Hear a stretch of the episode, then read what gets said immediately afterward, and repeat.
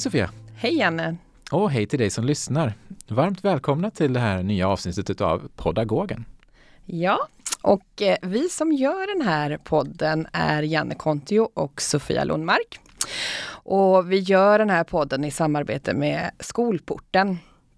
Och eh, anledningen till varför vi gör Podagogen det är för att vi vill skapa en plats. Vi vill sprida information och eh, kunskap om färska avhandlingar. Och eh, det här är en podd med pedagoger, för pedagoger, om pedagogik på olika sätt.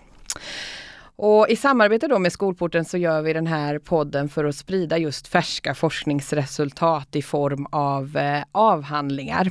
Akademiska avhandlingar som är skrivna i något ämne som är närliggande pedagogik eller didaktik eller utbildningsvetenskap men som också bidrar till ny kunskap till pedagoger.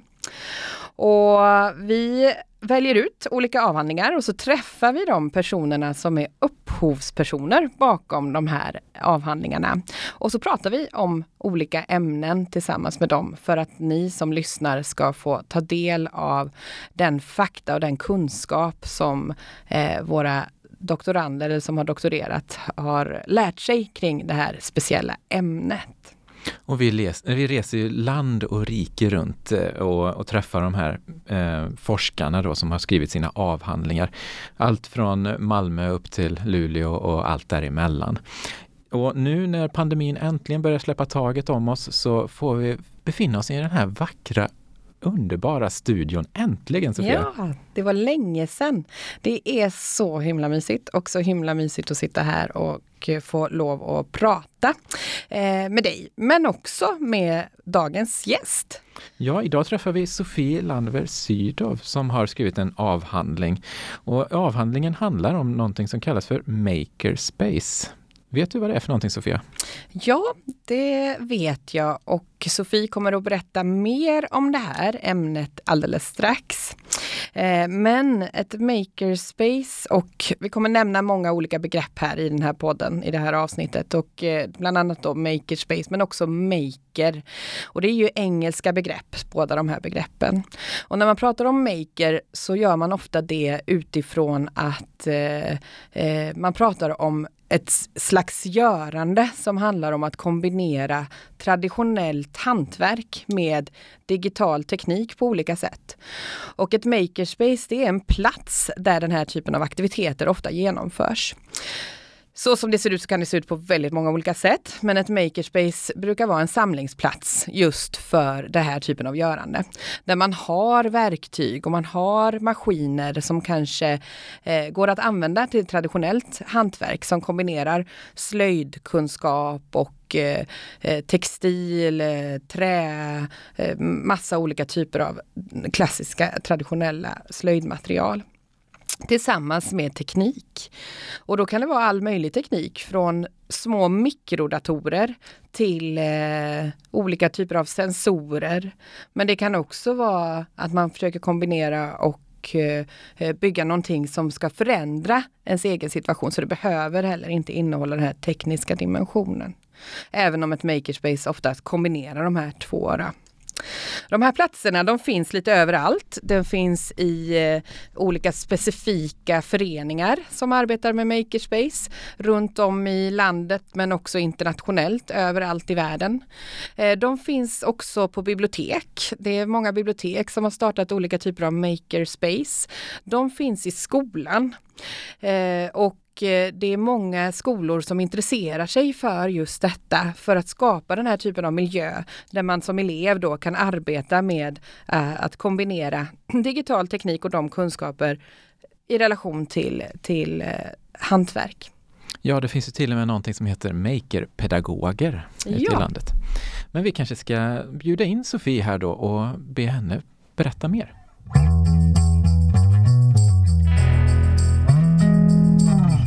Hej Sofie! Hej! Hallå! Nej men jättekul att du är här Sofie och roligt att få ta del av din eh, fantastiskt fina avhandling.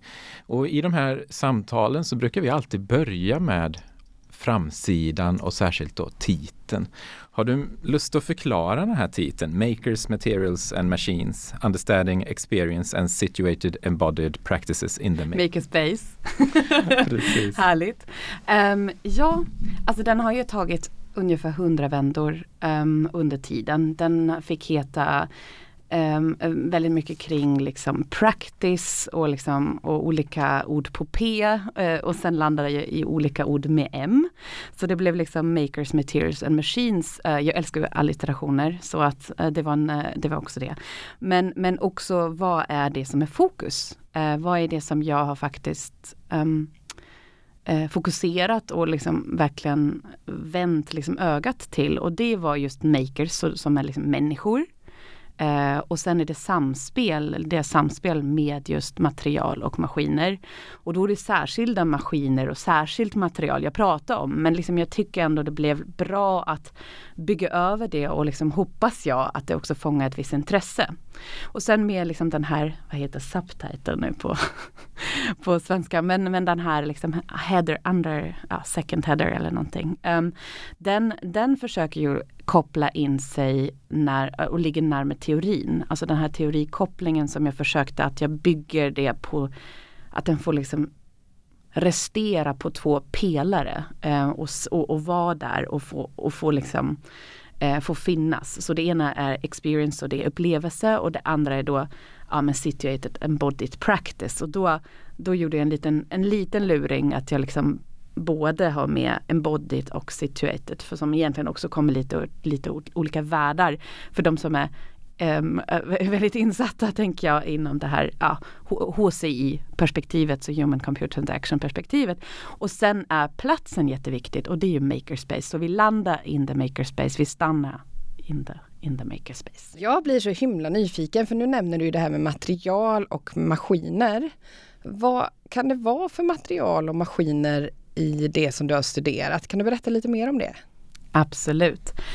Um, jag, eh, jag begränsar, alltså jag, jag både väldigt öppet med hur jag, hur jag förvänder de begreppen eh, och lite begränsande på samma gång. För materialbegreppet använder jag otroligt vid. Eh, där, där i, jag, jag, tycker att material får vara väldigt många olika saker. I, i Makerspace så är de ju, um, så pratar vi oftast om att det är liksom kanske gamla eller mer traditionella material som då får möta det digitala. Och det är, eh, och, och, det är till exempel, alltså det kan vara trä och det kan vara metall och det kan vara textil. Eh, det kan vara syntetmaterial, eh, syntet och plast, plast helt enkelt. Och, eh, och samtidigt så kan material dock också vara eh, DNA i, i biohacking. Det kan vara eh, ledande material eh, när vi pratar om eller elektronik och kod i sig kan också vara material. Eh, och där kommer vi också in liksom med en hel attityd eh, att, att vi säger oh, koden material och hur förhåller vi oss kring det då? Så det är materialbegreppet som jag ser väldigt vid och i maskiner så är det lite mycket begränsande för jag tittar, när jag pratar om maskiner så pratar jag om någonting som vi kallar för så digital på engelska, Digital Fabrication Machinery. Eh, och egentligen är det sådana saker som 3D-skrivare till exempel, eller laserskärare och CNC-maskiner eh, som, som styrs oftast av en dator. Eh, men men som, eh, som samtidigt oftast också så här nedbrutna eller har blivit alltså industriella maskiner som har blivit mindre. Och sitta i det kontext och det i det sammanhanget. Och datorer är maskiner i min allra största utsträckning här också. Så att eh, det får vara Arduino boards, får vara maskiner men eh, en laserskärare också. Så att det, det, återigen, jag är ganska vid men också lite begränsade. Jag gör det lite med, till, till min egen grej. Mm. För att förstå. Så det, lite om det. Ja. Om vi skulle backa bandet lite grann då, mm. hur kommer det sig egentligen att det blev just den här makervärlden som du blev intresserad av? Alltså det började ju faktiskt med Sofia, har jag fått lära mig. Att, eh, att hon har varit intresserad av det här i lite mer sk i skolkontextet eh, i början och liksom hur, hur har making faktiskt tagit del och tagit plats i skolan. Um, och, och ur det så kom det tror jag ett förslag som sen Martin, uh, som blev då en av mina handledare, um, uh, hade och, och, och, då blev det ett, ett förslag som jag då skrev en, egentligen en ansökan till. Eh, och innan så var jag inte så bekant med just makerkulturen själv. Eh, samtidigt så har ju alltid ändå, jag, jag tycker det har ju alltid funnits liksom Eh, Eh, det är min, både i min familj, min pappa är en sån här eh, som skulle absolut klassas som det, min man är en sån. Så att det, det, har, det har ju om, omringat mig, den här typen av nörderi nöreri hela tiden. Men det kanske inte kallades då för maker. och, och, och då blev jag intresserad när jag började besöka de här platserna och se, oj vad spännande här händer det, här händer det grejer. Och så, så kom det och, och då hittade jag liksom ett spår in. Så det kom egentligen genom att ja, vända blicken dit. Mm. Mm. Och om din omgivning då, din, din make och, och din pappa är makers, eh, vad har du själv för relation till den här makervärlden? Vad är du för en maker? Ja, det är en bra fråga. Jag, både, jag har ju blivit en. Eh, jag, har, jag har ju verkligen fått ta del av genom att göra eh, själv. Eh, och det, kunde ju, det kan ju alltid vara liksom från eh, att jag små, små grejer till hemmet eller någonting. Alltså att, eh, eller eller till, till att utforska vad, vad möjligt gör olika maskiner på den platsen och så. Så det, jag ju tycker att jag har eh, fått en nyfikenhet eller en nyfikenhet har väckts kring det. Men det finns ju, och det tänker jag lite att det där är lite, det är en liten kodat, alltså och tyvärr ganska manlig kodat som vi pratar om. Det är min pappa, det är min man. Ja, mm. de är både män.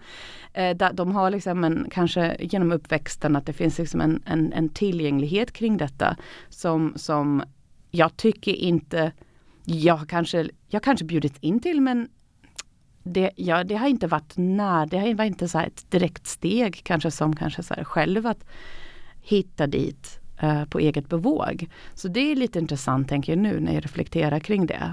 Varför just det? Och många makers de tar också allt det där, jag har alltid varit och min pappa har tagit mig redan i, eh, i den här garaget och jag har fått liksom vara den här tinker sen jag fick stå, kunde stå på två ben ungefär. Och den narrativen den är ganska stark. Och jag tycker den, den kvarlever fortfarande också. Och det är, ja, mm, vi kan diskutera vidare. Och den lever kvar i dig också?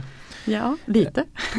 Men vi stiger in i din avhandling nu då mm. och funderar lite grann på vad du faktiskt har gjort men framförallt hur har du gjort det? Vad har du använt för metoder när du har studerat och gjort din forskning och var det svårt att komma in i den här världen? Alltså jag har ju använt mig av, jag kallar det alltså en etnografiskt perspektiv. Att jag har gått in i det genom att vara ganska deltagande i det. Var ganska liksom öppen för att hitta allt möjligt. Och det, det kanske det har också varit lite kanske av ett både en möjlighet, alltså som gav verkligen otroligt intressanta insikter och lära känna alltså just den här kulturen inifrån. Det har varit en jätte, jätteviktig del i det. Um, men samtidigt var det väldigt svårt att hitta sin väg um, i det för att det hände så mycket samtidigt och det fanns väldigt mycket och väldigt många olika spår man kunde egentligen välja väldigt länge in i doktorandtiden tycker jag. Um, och då har jag också beprövat olika spår och det kunde ha blivit lite på olika sätt. Så det har inte varit så här, oj nu det här är utsatt och så här ska det bli och det här är mina fem papers eller så. Och um, ett, ett jätterakt linjegrej. Jag vet inte för vem det är men det finns liksom en, en förväntan att i vissa fall att man har en ganska stor liksom, plan. Um, och, och jag tycker att den har fått liksom det, hela vägen har fått liksom utvecklats. Så jag tänker etnografi har varit liksom en, ändå en, en ingång. Uh, samtidigt så tycker jag inte att jag har gjort en, en, en etnografi av en, liksom, till exempel en subkultur eller en etnografi av en, av en plats. Um, utan jag har liksom gjort en olika nedslag um, på den platsen och har fokuserat och snarare gått in i djupet på väldigt små eh, händelse eller så praktiker eller saker som jag sett som var spännande och följt. Och, där, och sen liksom följt upp med oftast intervju, eh, del, alltså deltagande observation vill jag väl kalla det också. Eh, som jag har liksom egentligen bedrivit, om jag ska liksom sätta så en label. För våra lyssnare som kanske inte vet vad etnografi är, kan inte du berätta vad etnografi är för dig? För mig? Alltså för mig är etnografi jag tycker liksom eh, om man tittar, först om man tittar så i läroboken så tycker jag att etnografi beskrivs oftast i att det är liksom thick descriptions, att det är att vara, att vara nära och utforska en grupp eh, men samtidigt kunna eh, ta liksom den observationsrollen, eh, att vara liksom den observerande i det. Det är oftast ju inte just så deltagande, man är insyltat men ändå har en viss eh, distans nästan till den gruppen man studerar. Och det är kanske också den kritiken som finns kring etnografi och särskilt hur den den historiskt har utförts. Eh, men, men inom designforskning så tycker jag vi har varit lite så pragmatisk i, i användningen och sagt oh men det här är spännande, så här, så här lär vi oss mer om en kultur och om människor som använder teknik i, i, ett, i ett sammanhang vilket de alltid gör. Mm. Eh, och där finns det ju, åh vad, vad gör vi här? Vad gör, vad gör vi med det? Och jag tänker att jag är lite mer inspirerad av det där ganska pragmatiska sättet att oj, Uh, här, här är spännande, här kan man vara med. Och uh, vad, ser, vad ser vi här? Och det tycker jag, jag, kan, jag tänker att jag är mer påverkad av den typen av hur vi bemöter etnografi och var ganska tillåtande i det. Jag har ju sagt eh, kanske under disputationen att jag tycker inte, för att liksom också avgränsa att jag inte känner att jag har gjort en etnografi, för jag var just inte den personen som, som skriver de här fältanteckningar som liksom går in i djupet och verkligen använder sen det där nedskrivna och reflekterande material som ett underlag. Och det tycker jag inte har gjort. Det är kanske är ett miss eller det kanske, jag har hittat andra saker. Så, men det tänker jag, det, det, det är det som jag skulle vilja säga att ja, men det tänker jag är klassiskt etnografi eller den man försöker leva upp till. Um, och, men, men jag har gjort lite annat. mm. Mm.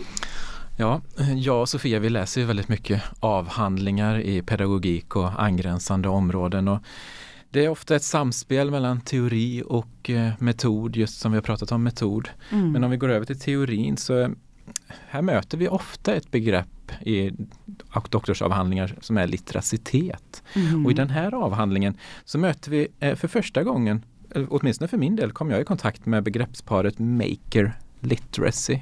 Och mat material literacy. Och material literacy. Mm. Och vad är det unika med det här begreppet? Så vi försöker ju, eller det, det, det, är ett begrepp som kommer ur egentligen vår första, jag skulle, eller ska säga min första riktiga studie som verkligen också satt tonen senare, senare um, för andra utforskningar tycker jag.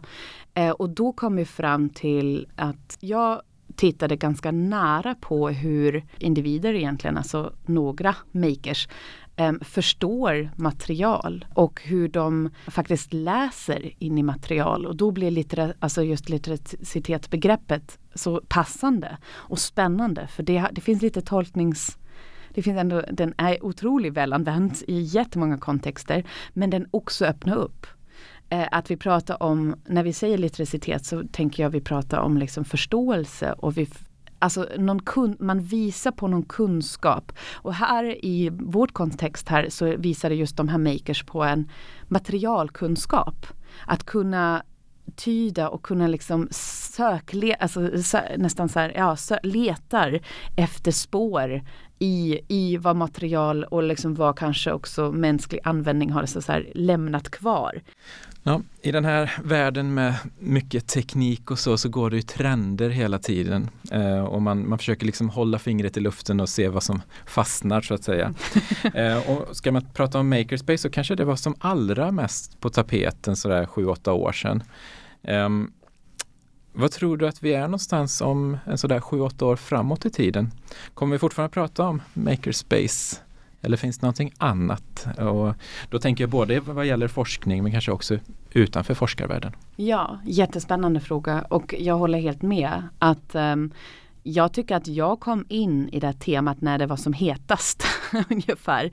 Uh, jag, jag, började ju uh, ungefär, alltså verkligen utforskandet i 2015 och då hade det ungefär 2014, 2015 hade kommit en helt drös, alltså om man tittar också på min så här, eh, litteraturhanteringssystem eh, så finns det, då kan man göra en ganska fin tids, eh, tidslinje. Och då blir det så här tjoho, alltså så här på makerbegreppet och liksom makerspace och maker, um, vad var det utlovades? Det var så otroligt hett eh, inom vår kontext men jag tycker också i andra, i andra sammanhang. Och sen dess har det dock absolut kanske kolnat av.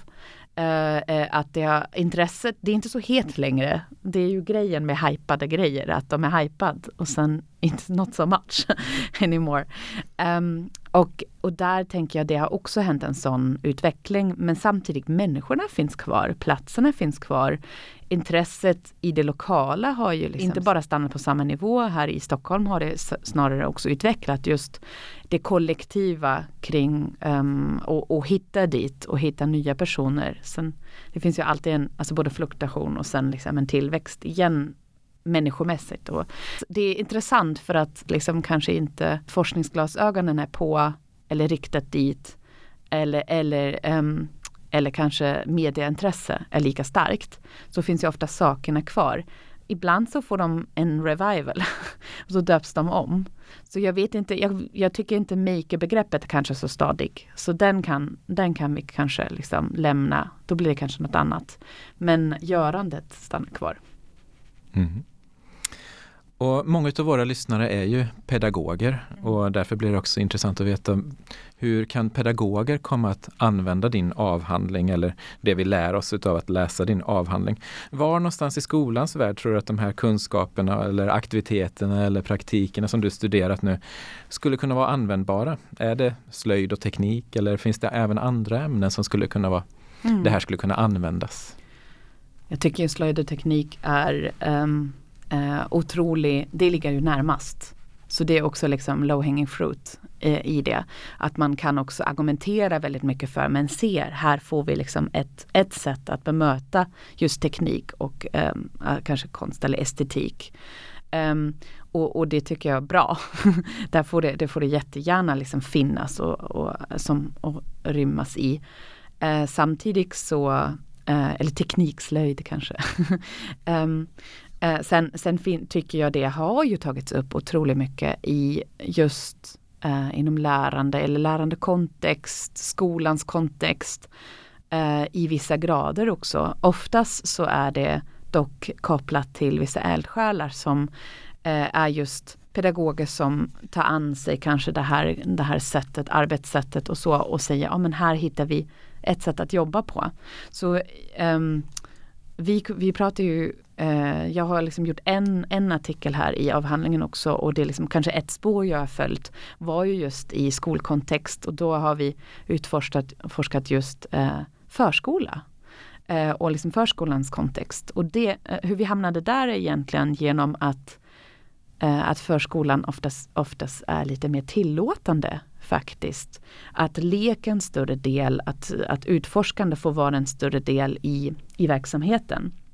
Um, och då har jag samarbetat med forskare från, en forskare från SU och um, Anna Åkerfeldt och sen, uh, sen uh, Per Falk eh, från Sundbybergs kommun och innan var Pelle faktiskt eh, i Väsby. Så att det har liksom också följt en längre, utfors eller en längre följeforskning kanske har det varit. Eh, både först med Väsby Makerspace och sedan flyttade han då till Sundbyberg eller blev headhuntad dit, kul. Ehm, och för, för, att utveckla Kvasar. Eh, och där tänker jag, eh, det, det, och där var också så här första idén är ju förskola. Sen får det ju jättegärna bli liksom en större hubb som liksom ingrepp skola eller andra, alltså efterskolverksamhet och så. Så han har ju hela tiden den här tanken att det kan, vara liksom, det kan växa större än just vad förskolan. Men förskolan är också otroligt spännande grupp och just förskolepedagoger. Eh, och där har vi um, eh, Eh, följt en grupp eh, som blev utbildad då till makerpedagoger. Så det är ju också en, då, då får man liksom nästan en sån där en kvalifikation eller någonting. Nu är du makerpedagog.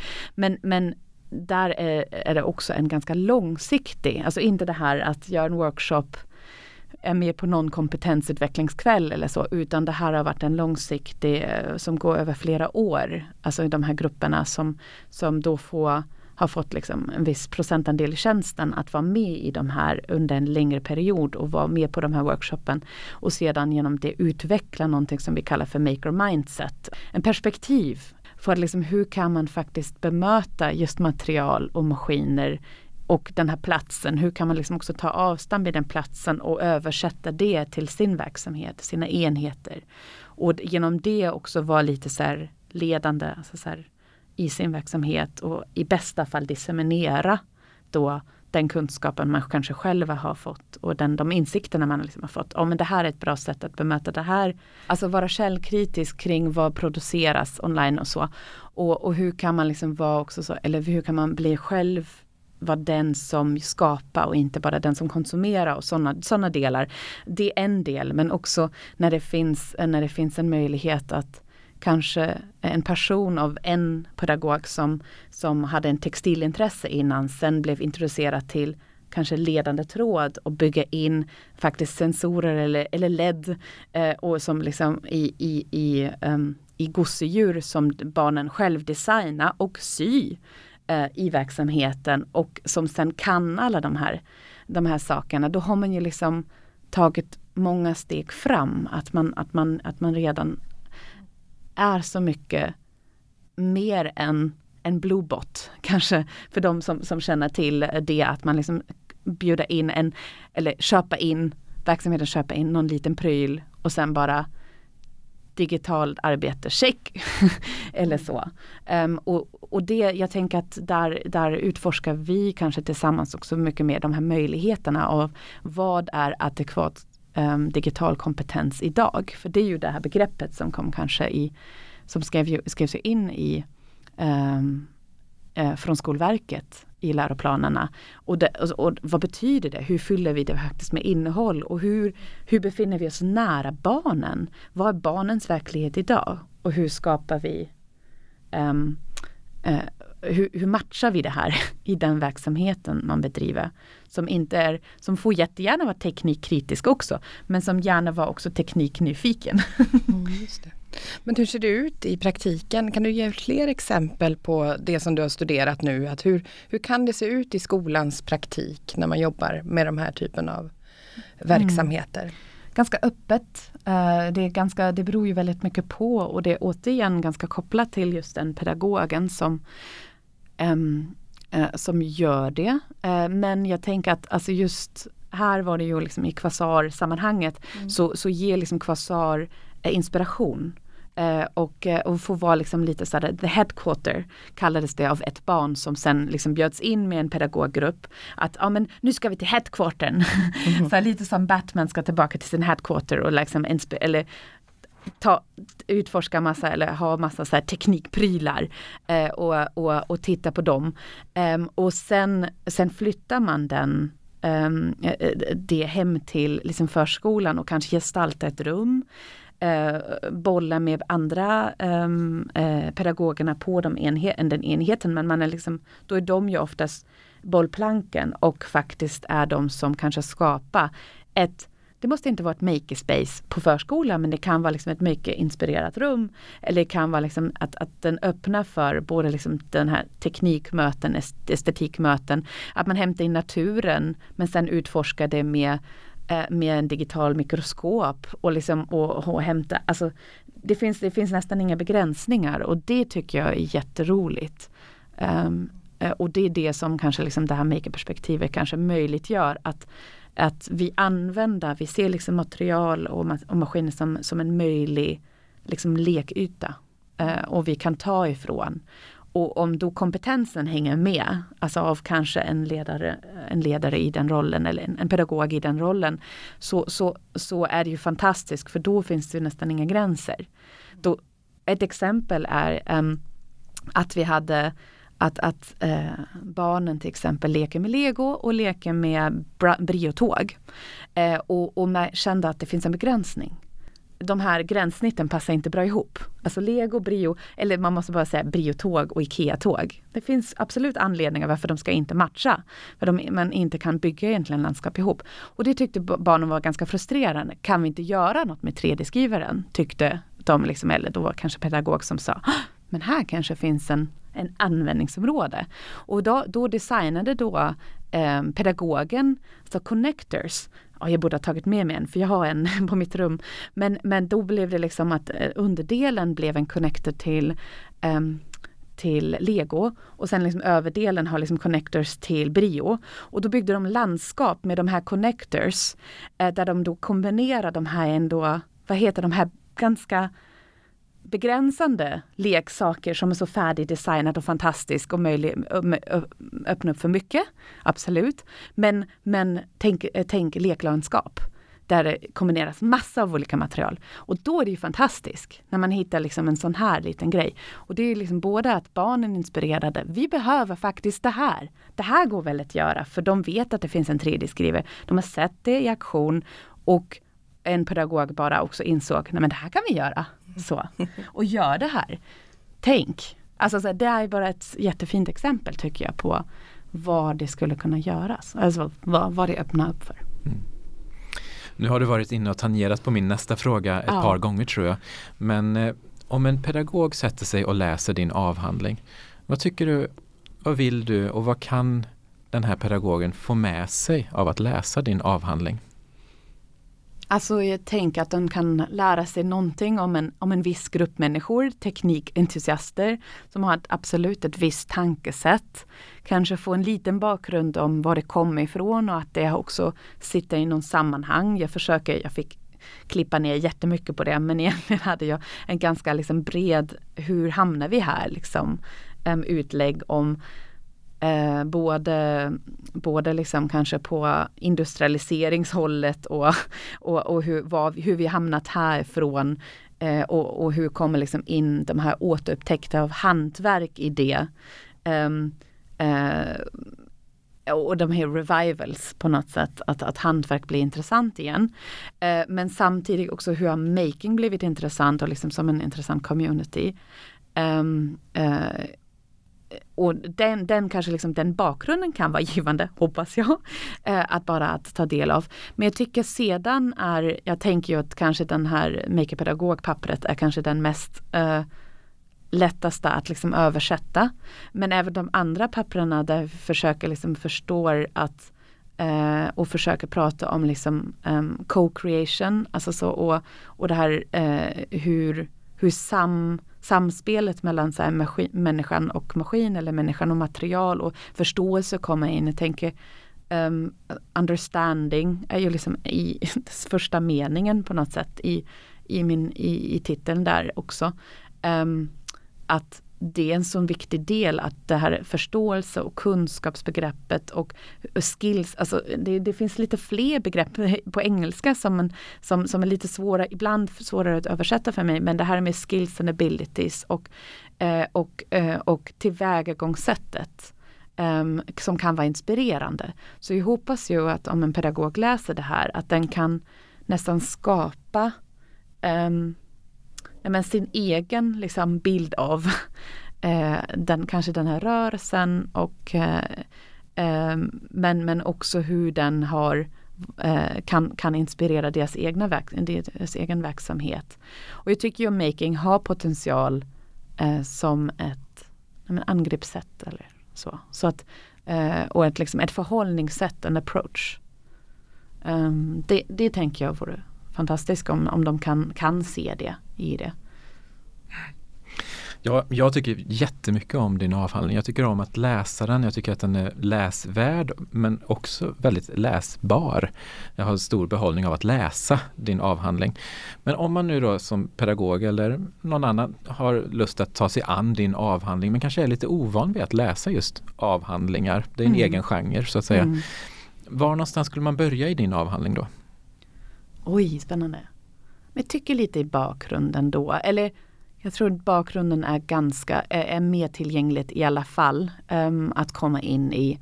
För då försöker, försöker man ändå vara, ligga nära eh, kontext och, och, och ge den här teorin kanske inte, det får man skippa. Jag vet inte. Men, men den, den ger ju något annat. Den gör ju någonting för liksom forskningskontextet. Eh, jag tycker bakgrund och sen och, um, och sen kanske liksom sammanfattning, eh, jag har i introduktionen så har jag sammanfattning av, eh, av olika papperna. Um, ehm, och det, sånt är ju tacksamt om man vill för liksom få kontentan. Och, och i slutet så gör jag också någonting att jag nästan gör punktlistor. Um, uh, som det fick bli i slutändan. Att, att men vad är det här faktiskt bra för? och det är ju skönt så här takeaways. Att det här känner jag att det gör och så. Så där, ja, man får liksom dutta lite sig kring um, avhandlingen där. Mm. Och sen kan man ju fördjupa sig i det som man tycker är särskilt intressant förstås. Eh, boken är klar nu. Bo ja. Boken är försvarad och du har fått din doktorstitel. Grattis, grattis. Men så vad roligt. gör... det har varit så ett långt jobb. ja. vad gör forskaren Sofie nu? Ja, vad gör jag nu? Just nu undervisar jag. Och det, det är riktigt härligt för att jag bara gör det just nu och det är så skönt att inte hålla på och göra två, tre saker samtidigt hela tiden. Det har jag gjort väldigt länge. Um, och det har, fått, eh, det har ju fått ta den tiden det tog, så var det. Um, och det, det går ju på bekostnad av andra saker. Uh, så just nu är det bara så skönt att, att ta en liten paus.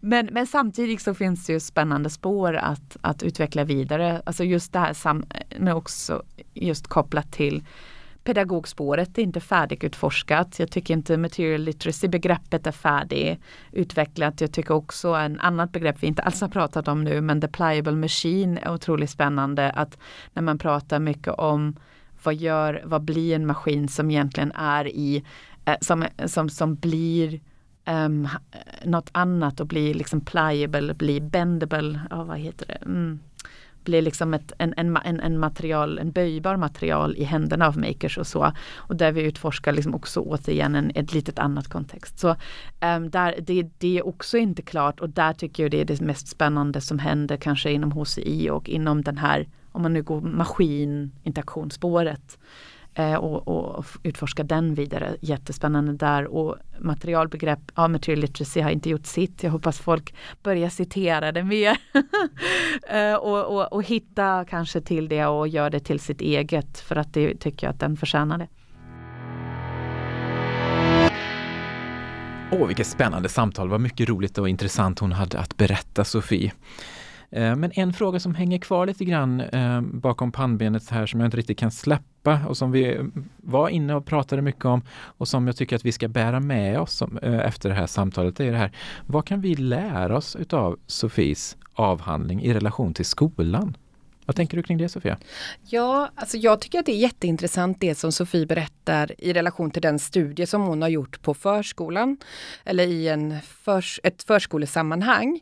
Där är det ju väldigt tydligt hur de på just det specifika makerspacet har jobbat med att främja just det här med som Sofie nämner som co-creation eller medskapande då på svenska. Eller att man förmedlar särskilda skills, kunskap eller abilities som är förmågor och att man, hur man kan kombinera de här på nya sätt Det skulle kunna vara viktigt i många skolämnen, just det här kombinerandet och samskapandet och också kunna skapa en förståelse för vad olika material faktiskt kan betyda. Eller hur materialen kan prata till en. Och och vad materialen har för egenskaper. Och, och, det är inte viktigt bara i slöjdämnet eller i teknikämnen som ju är det vi kanske allra främst tänker på när vi pratar om makerspace. Så, eh, så är det ju viktigt, kan det vara viktigt i många andra skolämnen. Mm, och jag tänker att det här med, det är en väldigt kreativ miljö och som Sofie säger också att det här med lek i förskolan gynnas ju utav det här makerspace-arbetet. Och det är väl någonting som man kan lyfta in i all, väldigt många olika sammanhang i skolvärlden, tänker jag, att öka den här graden av lek och kreativitet för att vinsterna är så många och, och resultaten kan leda en i, i helt nya riktningar. Verkligen och jag tänker också att, att det kan skapa en, eh, en möjlighet att eh, inte ha någon form av rädsla för maskiner. Eller för olika typer av verktyg, att hur de kan eh, ja, vara lite skrämmande. Och att man också kan ha en öppenhet för hur kan vi bygga in ett lekfullt sätt att förhålla oss till andra maskiner än de som vi kanske är vana vid. Som till exempel en dator, ja det är vi ganska vana vid. Men, men det finns ju så många andra typer av maskiner som faktiskt barn och elever skulle kunna ha gynnas av att använda. Mm, absolut. Eh, tänker att det finns ju väldigt många olika aktörer ute i landet som, eh, som är på något vis involverade här med Makerspace. Eh, kan du ge några tips? Det finns ett eh, stort forskningsprojekt som pågick i ett antal år som var ett forskning och utvecklingsprojekt som heter Makerspace i skolan som leddes av RISE som är en eh, forskningsaktör. Eh, och de skapade väldigt många resurser för hur man kan ta del av just vad, hur Makerspace kan användas i skolsammanhang. Och det går att hitta Facebookgrupper och hemsidor och att söka på just Makerspace i skolan så kan ni få andra tips. Sen kan ni också läsa en bok som heter Digitala didaktiska dilemman där vi skriver lite om Makerspace i skolsammanhang. Det gör vi. Snyggt Sofia. Eh, med det sagt så kanske det är dags att runda av det här avsnittet och lämna Makerspace bakom oss. Ja, det är det, tänker jag. Och eh, vi har ju redan, Sofie har redan lämnat oss, men att vi är väldigt glada att Sofie ville vara med i den här podden. Vi vill också passa på att tacka våra samarbetspartners. Vi vill tacka Skolporten som är en av våra centrala samarbetspartners. Vi vill också tacka MT Talks och SO Medieproduktion som är med och sponsrar denna podd. Inte minst genom vår inspelningstekniker Henrik Christiansen, som är den som klipper den här podden tillsammans med Moa Svan. Vi brukar också så här i slutet av podden så brukar vi uppmuntra er lyssnare att kontakta oss. Ni får jättegärna kontakta oss om ni har tips på avhandlingar som ni tycker skulle behöva få lite mer ljus på sig och som ni skulle vilja veta mer om. För att det är en utmärkt möjlighet för oss att få nya uppslag. Och följ oss gärna på Instagram och ni hittar podden där ni hittar poddar och på skolporten.se och eh, so.se. Stort tack Sofia!